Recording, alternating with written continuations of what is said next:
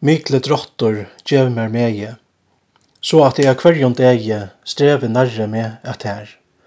Så at jeg som stunder loja, tålen fram og mal man struja, vi og hjelp, til vøyte mer. Om en tungur gjers min rauur, om en kjøkte veri mauur, hjelp du mer at halda a. Lett du meg av sonnen kjenna, vøykan mann, til vel vil menna, så han ikkje likvast ma. Ta i vannbrotten i ere, Då jag etnast ettnast här, i gärre, og jeg fatla vil og fått. Let mig alltid att ta minnast, verske skal av ter ut innast, og to øyer atlan mått. Amen. Paulus apostol, ikkje av menneskjon, ikkje heldur vi nekka menneska, men vi Jesus Krist og god feir, så vakti han oppfra deion, og alle brøvner som er vi mer, til kyrkjeline og i Galatalandet.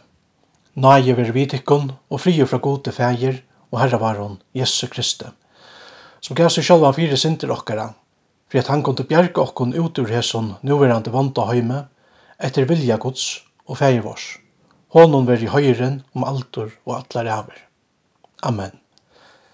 Galata brave, kapittel 8, vers 8 og til og vi 5. Og i Galata brave noen, kapitel 8, om vi leser videre i vers 15 og 16, så pekar Paulus og Øsnja at det er sjølve god som hever åpenbæra Jesus fire Paulus. Paulus sier, men ta i ta lykka i god at åpenbæra sånsyn og i mer. Dette understryker Paulus. Og formalet vi hese her åpenbæring er at Paulus skal boa gleibåskapen om Jesus høytningarna middelen. Paulus pojkar fer etter fer aftur av hessa hending som ta, og jeg er avgjørende tøytning for hans herra boan og hans herra apostolska myndlaga. Og i 4 Korint 98 sier han til dømes, Er jeg ikke frujur? Er jeg ikke apostol, Har vi ikke se Jesus, herre okkara? Og i 4. Korint 15 legger Paulus òsne denta at en opprissene var sattur av dem tølv. Og så igjen sier han, men sørst av øtlån var han sattur òsne av mer, og så bore som ikkje er kommet av tøy. Til at jeg er hin ringaste av apostelen, og er ikkje verdur at vera kallavur apostol, vi tar at det forfyllte gos kyrkjelige. Men av gos nage er jeg ta, som jeg er, sier Paulus.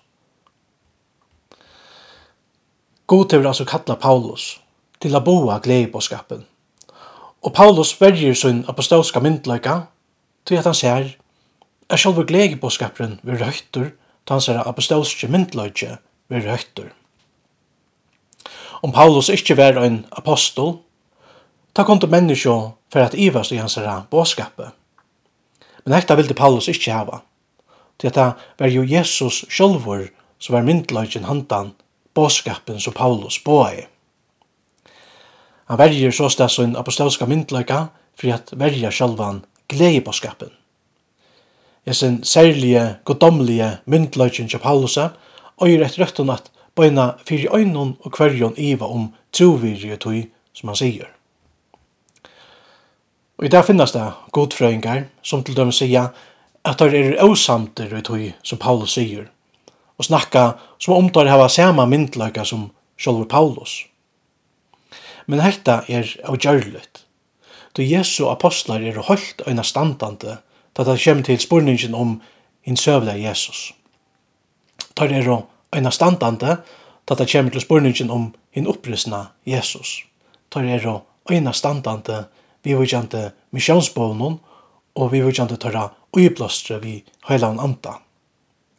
Der er altså nekka høylt særligt, at vi tar heva apostelskan myndløyga. Tess vegna skulle vi ikkje halda at vi kunne gjere okkara meiningar til herra i vi tørra båskapet og halda på at vi hava lykka større myndløyga som tøyr heva. Apostlana myndløyga er jo grundavur og i sjálfun Jesuset.